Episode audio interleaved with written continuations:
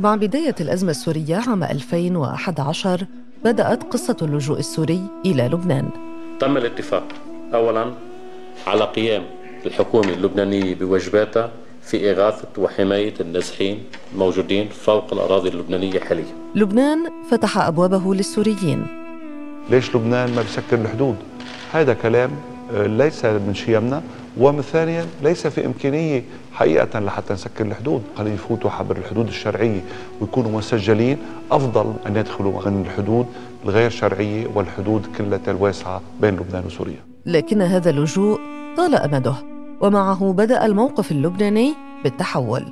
أولا موضوع النزوح السوري إلى لبنان اللي هو عامل مفجر للبنان.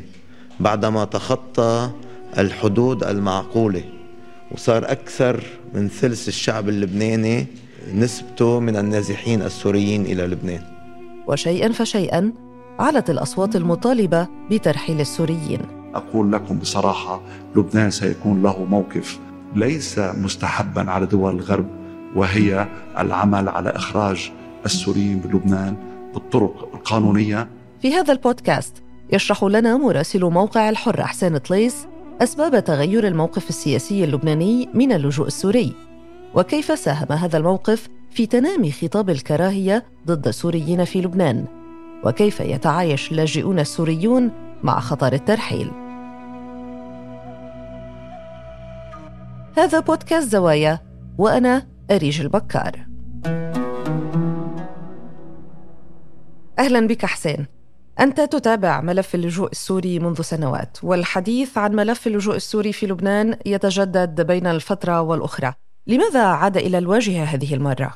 نعم صحيح أريج يعني منذ سنوات والسلطات اللبنانية آه، تنظر إلى ملف اللاجئين بوصفه عبئا وتعتبر أن وجودهم في لبنان ساهم في تسريع ومفاقمة الانهيار الاقتصادي المستمر في في البلاد منذ العام 2019 آه، كهذا التصريح مثلا لميشيل عون حين كان رئيسا للبلاد. اللاجئين السوريين. يلي زادوا البطالة عنا. يلي زادت الجريمة عنا ب 30% حتى سجوننا مش عم بتساع. لكن عودة هذا الملف إلى الواجهة هي نتيجة حملات تصعيدية لخطاب الكراهية ضدهم وتقليب للرأي العام آه، على وجودهم في لبنان. هذه الحملات تضع مسؤولية الانهيار الاقتصادي على عاتق اللاجئين السوريين وتصور اللاجئ السوري على أنه مرتاح ماديا أكثر من المواطن اللبناني وذلك على اعتبار أنهم يتلقون مساعدات بالدولار من الأمم المتحدة في حين أن راتب الفرد اللبناني بالعملة الوطنية بات لا يساوي شيئا مع انهيار سعر صرفها. وتعتبر حملات التحريض أن المساعدات الدولية للسوريين تهدف إلى إبقائهم أو توطينهم في لبنان. لا نبالغ في توصيف هذا النزوح بالاحتلال. طيب حسين أنت أشرت إلى تصعيد خطاب الكراهية ضد اللاجئ السوري في لبنان. هل تقصد أن هذا النوع من الخطاب ضد السوريين ليس أمرا جديدا؟ نعم نعم صحيح. العنصرية وخطاب الكراهية تجاه السوريين موجود فعلا منذ ما قبل الأزمة السورية.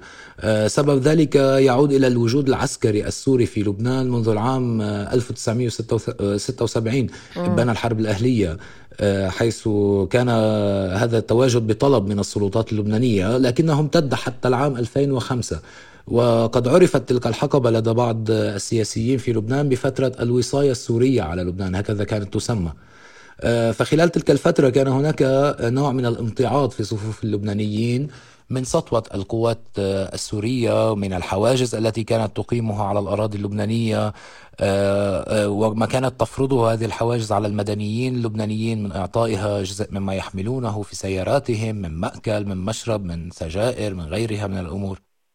طيب يعني نفهم أن أداء القوات السورية وطول مدة بقائها في لبنان هو أصل تلك الحساسية بين اللبناني والسوري؟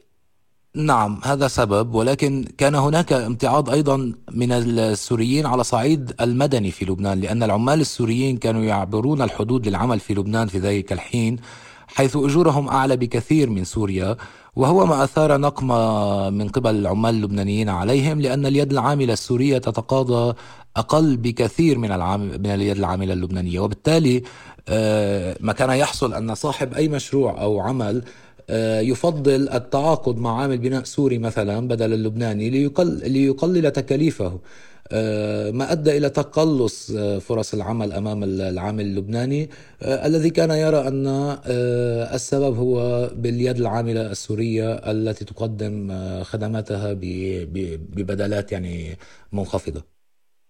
طيب حسين يعني هذه التراكمات كيف أثرت على السوريين الذين لجأوا إلى لبنان بسبب الحرب في سوريا؟ يمكن القول أنه خلال الأزمة السورية لم يكن هناك إجماع على التعاطف مع السوريين بقدر ما كانت توجهات سياسية يعني مثلا المناطق السنية في لبنان آه، تقبلت السوريين ودعمتهم بسبب وجود إرادة سياسية من الأحزاب السنية لمواجهة النظام السوري آنذاك ومثلا خارطة مخيمات اللجوء السوري في لبنان تبين هذا الأمر تبين أن معظمها تقريبا يتواجد في مناطق ذات الغالبية السنية.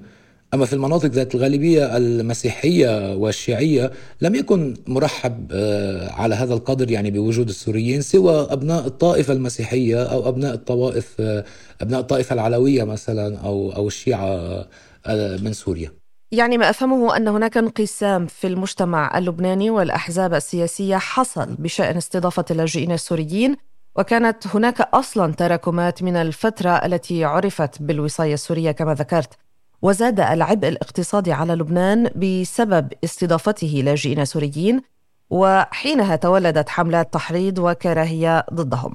طيب أخبرني حسين كيف أثرت تلك الحملات على اللاجئ السوري؟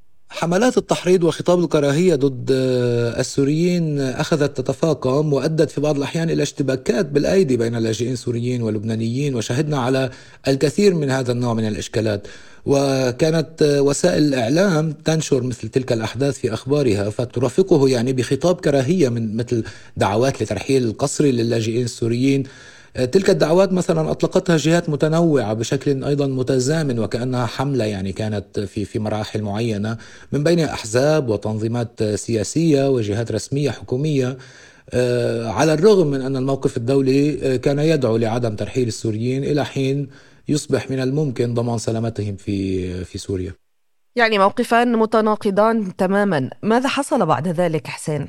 أه، بعد ذلك قام الجيش اللبناني ومنذ بداية أه، شهر أبريل نيسان أه، عام 2023 على إجراء مداهمات لمنازل يقيم فيها لاجئون سوريون تقريبا في معظم أرجاء المناطق اللبنانية. وبحسب 19 منظمة لبنانية ودولية رحل الجيش خلال هذه المداهمات مئات السوريين إلى بلادهم. آه، وذلك بموجب إجراءات يعني موجزة على الرغم من أنهم يواجهون في سوريا خطر الاضطهاد والتعذيب وما إلى ذلك. طيب هل هذه كانت أول مرة تنفذ فيها القوى الأمنية حملة مداهمات وترحيل لاجئين؟ آه، لا لم تكن المرة الأولى. الأمن العام اللبناني آه، وبالعودة يعني إلى بياناته نفذ في العام 2017 عملية عودة جماعية وصفها في حينها بأنها عودة طوعية. وأعاد بموجبها نحو أكثر من 400 ألف لاجئ سوري إلى سوريا. آه، ثم بدأ في أكتوبر عام 2022 تنفيذ خطة لإعادة السوريين آه، بالاتفاق في حينها مع السلطات اللبنانية وهي الخطة التي تفرض إعادة 15 ألف لاجئ آه، شهريا. ولكن دعيني أوضح أن ما اختلف في عمليات الترحيل آه، هذا العام في العام 2023 هو أنها ترافقت مع إجراءات قصرية أخرى لإرغام اللاجئين السوريين على العودة إلى سوريا أه، مثل ماذا هذه الإجراءات القصرية؟ نعم مثلا نتحدث هنا عن حظر التجول الذي فرضته عدد من البلديات في لبنان للحد من تنقل السوريين آه، تقييد قدرتهم على استئجار المنازل آه، آه، كذلك مثلا قامت بعض السلطات المحلية بفرض أمر على السوريين يعني بفرض تزويدها ببيانات اللاجئين السوريين الشخصية مثل وثائق الهوية مثلا وبطاقات الإقامة أو إثبات سكن وفي المقابل هددت بترحيلهم في حال لم يفعلوا ذلك. هذا يعني أن عمليات الترحيل تستهدف اللاجئين المخالفين أو الموجودين بشكل غير قانوني في لبنان صحيح؟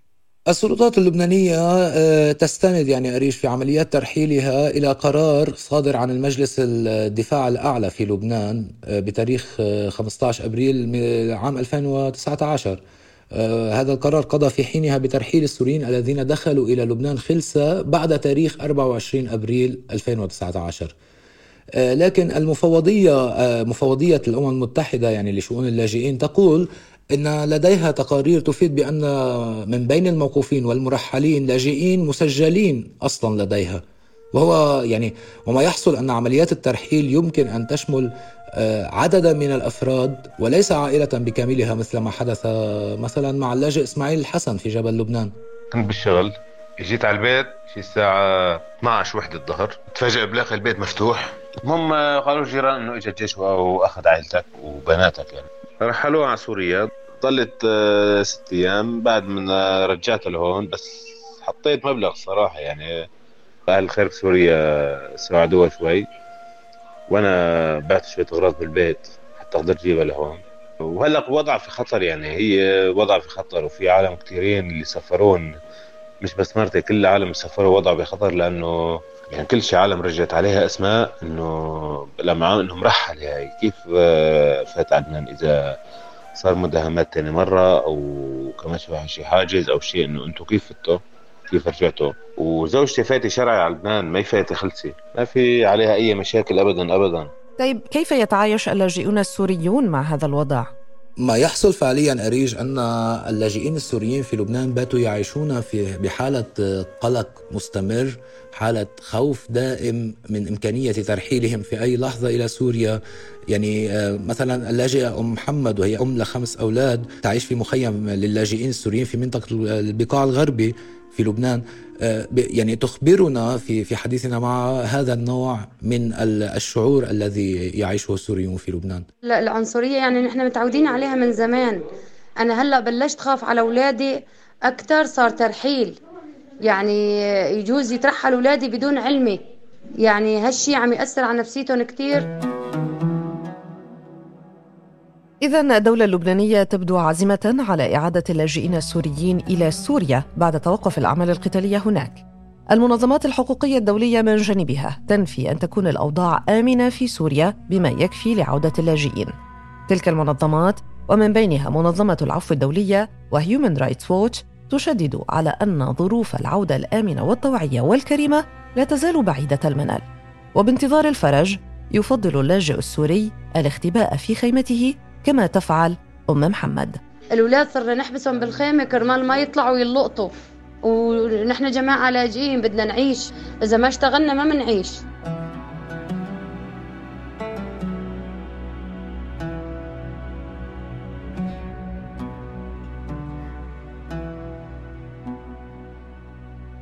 كان هذا بودكاست زوايا من سوا بودكاست.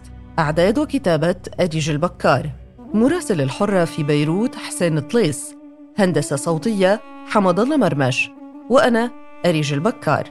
إلى اللقاء.